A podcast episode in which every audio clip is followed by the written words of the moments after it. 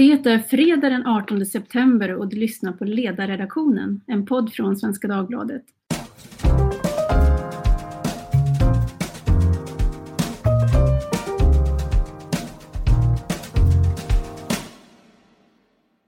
Jag heter Tove Livendal och idag ska vi göra en summering av veckan som har gått och några av de frågor som har diskuterats. Min panel är idag mina kollegor, så jag säger välkommen till Ivar Arpi, Henrik Sundbom och alldeles särskilt till Susanna Silversköld som gör debut idag. Hej! Hej! Hej! Hej! Vi börjar med eh, M-förslagen, de moderata förslagen som presenterades igår, tio reformer som bekämpar och förebygger gängkriminalitet. Och det är en, en, eh, det är en slags nya stentavlor här som Moderaterna för fram. 1. Dubbla straff för gängkriminella. 2. Inför ett system med visitationszoner. 3. Inför ett system med anonyma vittnen. 4. Det ska vara straffbart att vara med i ett kriminellt gäng. 5. Ge polisen kraftigt förstärkta möjligheter att avlyssna och övervaka gängmedlemmar. 6. Fler LVU-omhändertaganden för att hindra att barn fostras in i kriminalitet. 7. En ny huvudregel i sekretesslagstiftningen. Myndigheter ska dela all relevant information med polisen. 8. Nya riktlinjer till samtliga relevanta myndigheter att aktivt bidra i det brottsbekämpande arbetet. 9. Fler gängmedlemmar ska utvisas. 10. Go for the money. Det ska bli enklare att beslagta egendom från kriminella. Vad säger panelen om det här? Tänker Moderaterna rätt? Henrik? Alltså det är ju en, en påse gott och blandat som de har, har um, lagt fram här. Eller kanske snarare en påse bridgeblandning tänker jag. För det är inte alla karamellerna som är riktigt lika goda i min mun i alla fall. Um, alltså jag tycker att i grund och botten tänker man rätt i att uh, hårda tag mot gängkriminaliteten måste gå bortom att stå i talarstolen och säga hårda tag till konkreta förslag. Uh, sen tycker jag generellt att det verkar ha gått ganska fort hos Moderaterna och att det finns ganska många aspekter som man inte riktigt har tänkt på eh, vad gäller rättssäkerhet och, och eh, det här förslaget med omhändertagande av barn som inte riktigt känns eh, realistiskt tycker jag. Eh, och eh, en del av de här sakerna som man föreslår är ju ändå sånt som, eh, som inte är allt för långt borta med befintlig lagstiftning, bara att det är svårt att tillämpa den. Eh, man har svårt att utvisa personer som döms för brott, för brott och så plötsligt ska man börja utvisa personer som inte ens har dömts. Eh, och det finns ganska stort stöd för omhändertagande av barn som lever i destruktiva miljöer. Men det är ibland svårt att genomföra därför att vi har socialtjänster som inte har tillräckligt mycket resurser och och de som är ansvariga för det utsätts för hot och våld från kriminella till exempel, vilket sätter käppar i hjulen. Ehm, så lite grann, eh, det har gått lite fort och man kanske försöker uppfinna hjulet på nytt, men ambitionen är bra. Vad säger Susanna? Ja, jag tror på det stora hela att de gör rätt i att istället för att småjustera gamla förslag så tar de en större approach och försöker att tänka nytt och göra någonting i grunden. För vi har ju sett att vi har försökt vända den här brottsutvecklingen väldigt länge och Stefan Löfven har ju varit statsminister i sex år. Men eh, ju mer, ja, trots att han talar om att det här ska bli bättre så har ju utvecklingen gått åt, åt det andra hållet. Eh, sen varje småförslag har jag inte gått in på i detalj, men jag tror ändå att på något vis att vi men att alla partier kan behöva göra det jobbet, att inte bara gå på vanliga gamla lösningar utan också våga tänka nytt. Mm. Ivar? Ja, jag tror att det är väldigt nödvändiga förslag, de flesta av dem. Ehm, jag tror generellt att man behöver göra många saker samtidigt. Och sen, vissa saker kanske går, eh, upplevs som att det går snabbt nu men 2012 så föreslog Sverigedemokraterna eh, ett antal av de här förslagen. Eh, men då var det beyond the pale att tänka igenom till exempel ett, ett system med anonyma vittnen. Och det, det blir så här det är lite migrationsdebatten all over again. att eh, det, När det väl måste ske då har det liksom nästan blivit för sent eller blivit för sent och då måste det gå fort. Eh, och då blir det hafsigt och då blir det tillfälligt. Eh, och till exempel anonyma vittnen eh, är någonting som borde införts för länge sedan. Kriminalisering av att vara med i ett gäng borde ha införts. Eh, alltså, vi har många sådana här saker som borde ha gjorts mycket tidigare. Och nu när det då alla tävlar om att göra, eh, lägga fram förslag eh, så blir det ser det lite fram, eh, stressigt ut eller alltså fram, framhafsat eh, ut. Eh, men Moderaterna har ju varit på den här frågan ganska länge nu och jag, jag tror att, det, att vi kanske måste göra saker som vi inte hade trott att vi behövde göra för några år sedan bara. Till exempel visitationszoner, anonyma vittnen, eh, dubbla straff för gängkriminella eh, och sen kanske framförallt att eh, kunna ta eh, krim, kriminellas egendom så att du tar bort status från dem helt enkelt. Eh, på det stora hela så tycker jag att de, de ligger helt rätt. Det, man ska ju också säga att det finns ju en lång rad med förslag som Moderaterna har lagt fram. Jag tycker det, det ska de ha cred för att det är en, det är en stor tankeverkstad på det här området och sen kan man tycka att alla är sena på den bollen. Eh, men där tror jag att det kanske kan handla någonting om det som Mauricio Rojas har sagt att det är liksom en dödssynd att vara före sin tid i Sverige. Så att alla väntar tills det liksom verkligen är, eh, du är inte före längre utan du är precis mitt i det och det har liksom eh, kommit upp i ansiktet på dig och du måste hantera det. Eh, men det finns också ganska många förslag som de har lagt fram som har avvisats och det behöver inte det, det, kan säga att förslagen inte var tillräckligt bra, men det är bra att det tänks. Och så tänker jag om detta. Att det är bättre att det blir en kapplöpning om att försöka få fram förslag och sen ska de naturligtvis inte klubbas förrän de har tänkt sig igenom ordentligt. Men i det här brådskande, i brådskande temat då, så ska vi gå vidare till nästa ämne. Därför att snart kommer den här digitala bokmässan som det blir i år att inledas och det hade ju det utpekade temat Läs, läs, läs med versaler och utropstecken, vilket vi normalt brukar bannlysa från våra texter. Och det låter ju desperat eh, och det finns också flera studier som har kommit eh, fram nyligen som pekar väldigt tydligt på att ungas läs och skrivförmåga går ner i Sverige. Och det får effekter liksom hela vägen. På universiteten slår man larm om att ja, det går inte att föra en ordentlig kommunikation. Undervisningen lider av att man inte kan läsa och skriva ordentligt. Och I veckan skrev Birgitta Wistrand, som är ordförande i de litterära sällskapen i Sverige, ett gästinlägg på ledarsidan där hon tog upp saken och eh, berättade bland annat då att Statens medieråd, de mäter ju bland annat ungdomars läsning av tidningar och böcker. 2011 uppgav 23 procent av ungdomarna att de kontinuerligt läste tidningar och böcker. Sju år senare var siffran halverad och nere på 11 procent. Och som Birgitta påpekar då att den här försämringen har inträffat trots att man i 20 års tid har jobbat nationellt, regionalt, kommunalt med läsfrämjande insatser och det har varit otaliga utredningar, kommittéer, delegationer och grupper, alltihop skattefinansierat såklart, som har arbetat i en omfattning som är bedövande och ändå så går det åt fel håll.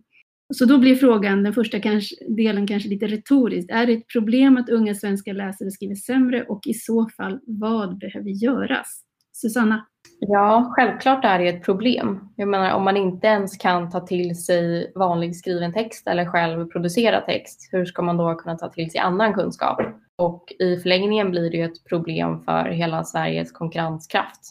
Um, och vad ska man göra åt det? Ja, det är en svår fråga, men jag tror generellt att vi i svensk debatt om skolan kanske har fokuserat väldigt mycket på exempelvis vilken huvudman ska tillåtas, eh, tillåtas driva skolor snarare än hur ska elever kunna få den kunskap de behöver. Så jag tror ändå att det, om vi kan ändra den debatten till att faktiskt handla om sakfrågan, hur får elever kunskap? Då tror jag att vi är åtminstone på en början. Ivar? Jag undrar om det är en sån där eh, förändring som man helt enkelt inte... Jag skulle vilja veta, nu vet jag inte om det framgår, men jag skulle vilja veta hur det ser ut i motsvarande länder eh, och om hur det ser ut för vuxna eh, som inte är ungdomar. För om det är så att vi har en... Bara att vi, hur vi sitter nu och, och gör det här på datorn, och att man, det är väldigt mycket som sker på datorn. Vi spelar in podd till exempel nu. Eh, att man gör saker som är, om man lyssnar på böcker, man, eh, man kollar på Youtube, man, kollar, man, man gör det, vi, hela vår medietillvaro är väldigt förändrad på tio, på tio år. Jag kommer ihåg när jag började som ledarskribent eh, för 2011 just. Så höll vi på att kolla lokaltidningar, stod och bläddrade i lokaltidningar. Det är ingen som gör idag, eller kanske det är någon, någon, någon som gör men de flesta av våra medie, vår mediekonsumtion i hela samhället är väldigt förändrad. Hela medielandskapet är förändrat. Och, eh, vissa saker som fanns, eh, finns tillgängliga idag konkurrerar med, eh, till exempel att man läser, istället för att läsa en bok kanske man spelar ett dataspel eller man kollar på en tv-serie. Eh, jag vet inte, jag, jag, jag, jag känner min, min, spontana reaktion är direkt att tänka att det, att det är jättedåligt. Men jag tror att man behöver i alla fall jämföra med eh, andra länder, med andra åldersgrupper och se så att man inte hamnar i då ett läge att man ska utreda hur vi kan främja häst och droska om det är så att alla börjar köra bil. Vad säger du Henrik, är det häst och droska? Ja, alltså men jag håller väl med om att sådana här siffror är ju lite um, bedrägliga därför att det finns ju väldigt mycket mera uh, text att läsa än, än uh, böcker och tidningar. Eh, men eh, det mesta tycker jag väl ändå pekar på att, att ungdomar blir sämre och sämre på att läsa och skriva. Jag har följt den här skoldebatten som har blossat upp inte minst efter Utbildningsradions eh, dokumentär Skrivglappet ganska noga. Och jag tycker det är fascinerande att se hur alla tar det här som en anledning att rida sin käpp pest i skoldebatten. Eh, är man skeptisk till friskolor från början, ja, men då tycker man att det här är friskolornas fel. Och är man skeptisk till eh, flumskola och kreativ pedagogik, ja då tycker man att det, eh, problemet är att det är för lite katederundervisning och är man skeptisk till skärmar då tycker man att problemet är att man skriver för lite för hand och så vidare. Och, och, jag har väl också min, min käpphäst som jag gillar att rida här och, och um, jag tror att, att eh, man kan lära sig läsa och skriva på en kommunal skola och man kan lära sig läsa och skriva på en privat skola eller en friskola. Eh, och man kan göra det med, med klassisk katederundervisning, man kan göra det med eh, nya progressiva metoder och man kan göra det på en skärm eller man kan göra det med en penna. Så länge läraren är tillräckligt bra en duktig pedagog eh, som använder sig av ja, en metod till fullo och arbetar i en fungerande skolmiljö eh, fixa det. Men det är där vi har problemet, att vi har en massa lärare som kommer ut från sin utbildning och helt enkelt är undermåliga. Eh, och det här gör säkert jätte, jättemånga lärare eh, arga när jag säger det. Men det är ett problem att intagningspoängen till lärarutbildningarna är de lägsta i hela det akademiska Sverige. Och många som söker till lärarutbildningar gör det för att de inte kommer in någon annanstans.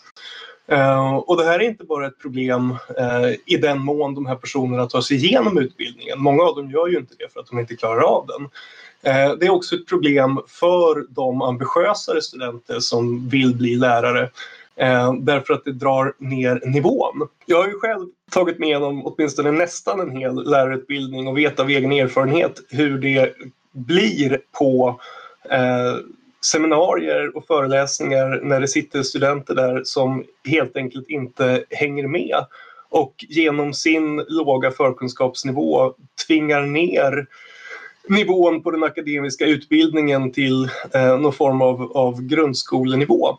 Vilket gör att inte ens den som kommer in med ambitionen att, att vara duktig och prestera får möjligheten att, att uh, göra det i den miljön. Och det här blir naturligtvis ett, ett jättestort problem då när de som kommer ut och är färdig, färdigutbildade lärare eh, inte har kunskaperna som krävs för att förmedla. De har inte kunskaper att förmedla vidare till våra barn. Eh, det gäller naturligtvis inte alla lärare men det gäller alldeles för många. Och det här är ett problem som är jättesvårt att komma åt. Man har ju pratat i decennier om att läraryrkets status måste öka och, och det har blivit lärarlegitimationer och förstelärare och det ena med det andra. Men så länge det är eh, de sämsta studenterna som söker sig till lärarutbildningen så kommer inte det här att åtgärdas. Ja, men det, jag, jag, tycker det är en eh, befogad käpphäst att rida ut på med jämna mellanrum, Henrik. Men sen är det väl så att jag med, i grunden så tänk, tänker jag det som Susanna säger att om det här, om, om vi får en förmåga som går ner på den nivån så att vi inte kan tillgodogöra oss kunskap eller här, utveckla oss på samma nivå som andra. Och där visar det i alla fall att läs, om man, om man bara tittar på läs, eh, viljan till läsning så, är, så skiljer Norden ut sig och i Norden så skiljer Sverige ut sig om man jämför med OECD-länderna till exempel. Så det, det, det finns, och det, det kan man då, en hypotes är ju då att vi är sämre, att vi är sämre eller bättre? Ja, vi, vi vill läsa mindre. Sen kan man säga då att en hypotes som ställs upp är ju då att vi ägnar mer tid åt ja, sociala medier och, och så. Eh, och det är väl kanske för tidigt än att se exakt vad det är. Om, om, vi, om vi kommer då till en sämre konkurrensposition till exempel. Eh, om vi får svårigheter med att utbilda både bredd och spets i liksom, högre utbildning på grund av det här. Eh, men jag tänker att det finns ett, ett ja, om vi får svårighet, om vi får yngre som får svårare att kommunicera och ha, ett, ha liksom tillgång till ett rikare språk för att de inte läser tillräckligt, så tycker jag det är, det, det är ett problem på väldigt många olika ledder och bredder. Det handlar, tänker jag, om en utveckling av samhället. Jag tänker bara att Henrik eh, här inte slutförde sin lärarutbildning. Var det för att skona eleverna då från din kompetens här? Alltså, var det därför? Nej, det var nog snarare för att skona mig från skolan som arbetsplats faktiskt. Eh, och det här är ju också någonting som många lärare vittnar om i, i debatten. Att eh, en ambitiös lärare som, som älskar att undervisa eh, sällan ges eh, förutsättningarna att bedriva en god undervisning för att det är så mycket andra arbetsuppgifter som läggs på lärarkåren eh, som borde kunna gå till eh, runt omkring personal i, i skolan. Eh, jag ville bli lärare för att undervisa men när jag kom ut och jobbade i skolan så kände jag att eh, det här är inte en miljö som kommer att funka för mig. Vi ska ta och byta ämne. Det ja, alla de här som vi pratar om idag är sådana som vi både har poddat om tidigare och kommer återkomma till. Och så eh, den här tredje frågan jag tänkte in, inget undantag. Det handlar om migration. För i tisdags så fick justitie och migrationsminister Morgan Johansson ta emot migrationskommitténs betänkande och den präglas ju av djup oenighet. Eh, det, det, det är ett, ja, betänkande, jag vet inte vad man, om det finns något alternativt namn för det, som handlar om separata osammanhängande tankar. Eh, men det är i alla fall vad det är. Och frågan splittrar ju både här i Sverige men också inom EU. Och eh, i onsdags så meddelade Europeiska kommissionens ordförande Ursula von der Leyen i sitt linjetal att Dublinförordningen, det vill säga de gemensamma EU-regler som bland annat säger att människor ska söka asyl i första EU-land som man anländer till, ska upphävas. Och då vill jag höra med min panel här, bör Dublinförordningen upphävas? Ivar? Ja, men vi, hela det här systemet som vi har är kaputt och det tycker alla. Eh, och alla länderna har helt olika intressen idag in, i den här frågan. Så frågan är inte om det bör, frågan är vad som skulle kunna ersätta och där finns det heller ingen enighet. Så att, eh, det är en, eh, men det är inte, det är inte, jag tycker att den här migrationsöverenskommelsen som inte är någon överenskommelse är intressant. För att eh, om de lyckas nu knuffa det här framför sig, skicka ut det på remiss och sånt där, skicka det här framför sig fram till eh, 2022, något sånt där. Eh, så att det hamnar på andra sidan valet. Då tror jag att det skulle kunna vara bra för Socialdemokraterna om de kan göra det. Att de ser seriösa ut, att de vill ha in remiss, remissyttranden och allt det där. Om, om de lyckas med det. Och då om de kan hålla ihop regeringen så att de slipper ha, få en skarp konflikt med Miljöpartiet. Det, det här är ganska talande att immigrationsfrågan i första hand, det är inte liksom de här olika skarpa tydliga förslagen utan det blir den här spelteoretiska taken på hur olika partier spelar det här. Och det, det, är väl en, det är väl en bra illustration till hur frågan har sett ut de senaste decennierna. Henrik, vad är din kommentar kring det här?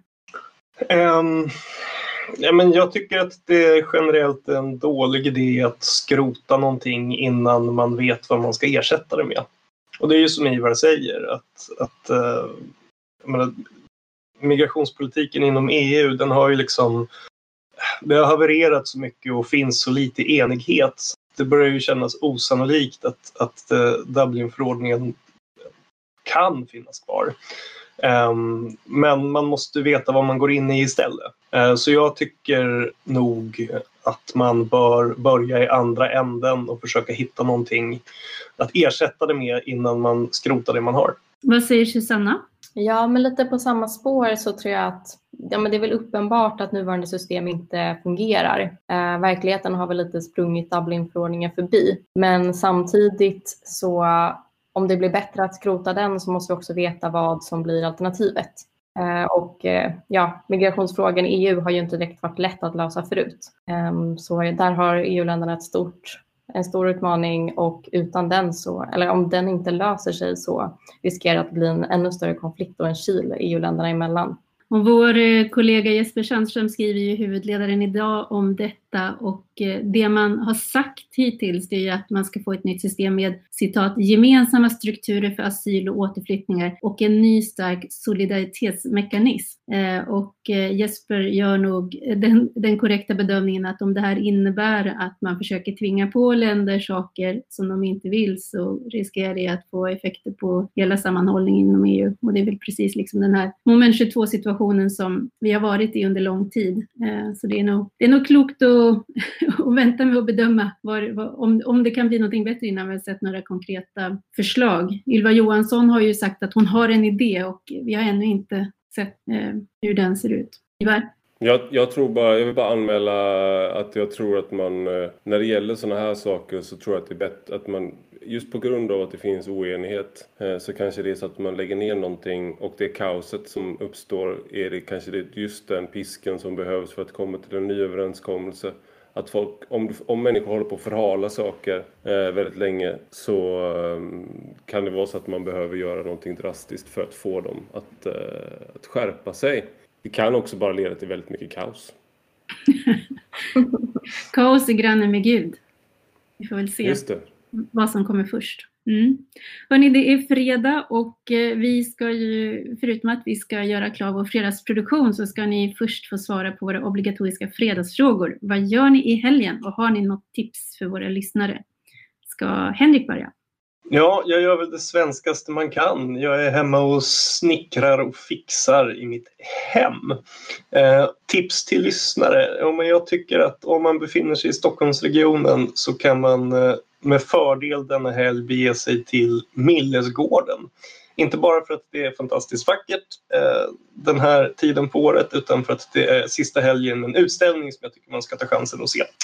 Eh, jag är en sån som eh, eh tycker bättre om reklam i teori än i praktiken. Jag tycker den kan vara ganska ganska ruggigt obehagligt fenomen. Eh, men på Millesgården visar man eh, nu eh, fortfarande den här helgen en utställning med Henri Toulouse-Lautrecs eh, reklamtryck eh, från La Belle Époque i Paris som visar hur det kan vara när det är som allra bäst och som allra vackrast. Eh, den tycker jag man ska ta chansen att se innan den försvinner på måndag. Mm, härligt. Susanna? Eh, ja, men jag ska träffa några släktingar på middag ikväll. Eh, och sen så blir det väl en ganska vanlig helg tror jag. Inga superspännande överraskningar där. Um, vad var det mer? Tips till lyssnarna? Ja, men den var svår. Men jag kanske får säga gör en god gärning för eh, Sverige och sätt en, en hand i boken på en ung läsare. Så kopplar jag samman till den debatten. Ja, ehm. bra förslag. Ivar? Alltså jag tror inte riktigt på det här med fritidsintressen. Jag tror inte att man har det. Det är väldigt få som har det. Så att jag ska vara... Är för att tre barn Ivar. Snart fyra. Men eh, imorgon så ska, Nu har jag eh, läst, läst en bok som heter... Jag har rekommenderat det här för ett tag sedan. Men nu har jag faktiskt läst hela boken också. Granskogsfolk av David Turfjell som jag hade i podden igår och intervjuade. Med undertiteln Hur naturen blev svenskarnas religion. Den rekommenderar jag alla att läsa. Eh, och eh, jag ska göra som då den svensk är och och eh, ge mig ut i ett naturreservat och springa eh, någon, någon mil eller så med en, med en kompis. Och, och räknar kallt med att få en andlig och exist djup existentiell upplevelse av det. Annars kommer jag skriva ett argt mail till David Turfjell. Eh, så det, så det rekommenderar jag alla lyssnare att göra också. Om ni har varit i naturen och inte fått någon djup upplevelse, hör av er till David Turfjell med, med, med vrede. Ja, det är bra. Då har vi fått tips på hur man kan liksom få utlopp för negativa känslor också. Exakt. Själv ska jag gå på en eh, coronasäker konsert i Västerlövsta kyrka. De har Beethovenfestival nu och jag ser fram emot att få, få gå på lokal och lyssna på klassisk musik live. Det ska bli fantastiskt. Och nu såg jag att det var utsålt så att ett tips då till lyssnarna är ju att följa de här konserterna. Det pågår hela helgen flera stycken olika på Youtube eller Facebook. På Youtube är det Anders Walls stiftelse där man kan gå in och lyssna och njuta av vacker musik. Um, och med det så vill jag tacka min panel idag, Henrik Sundbom, Ivar Arpi och Susanna Silversköld särskilt eftersom du debuterar i podden. Vi kommer att få höra mer av, av dig längre fram. Och eh, tack till er som har lyssnat. Har ni frågor, funderingar eller Ja, vreden den skickar ni till David Thurfjell. men har ni frågor eller funderingar så kan ni höra av er till ledarsidan svd.se. Och med det säger vi trevlig helg!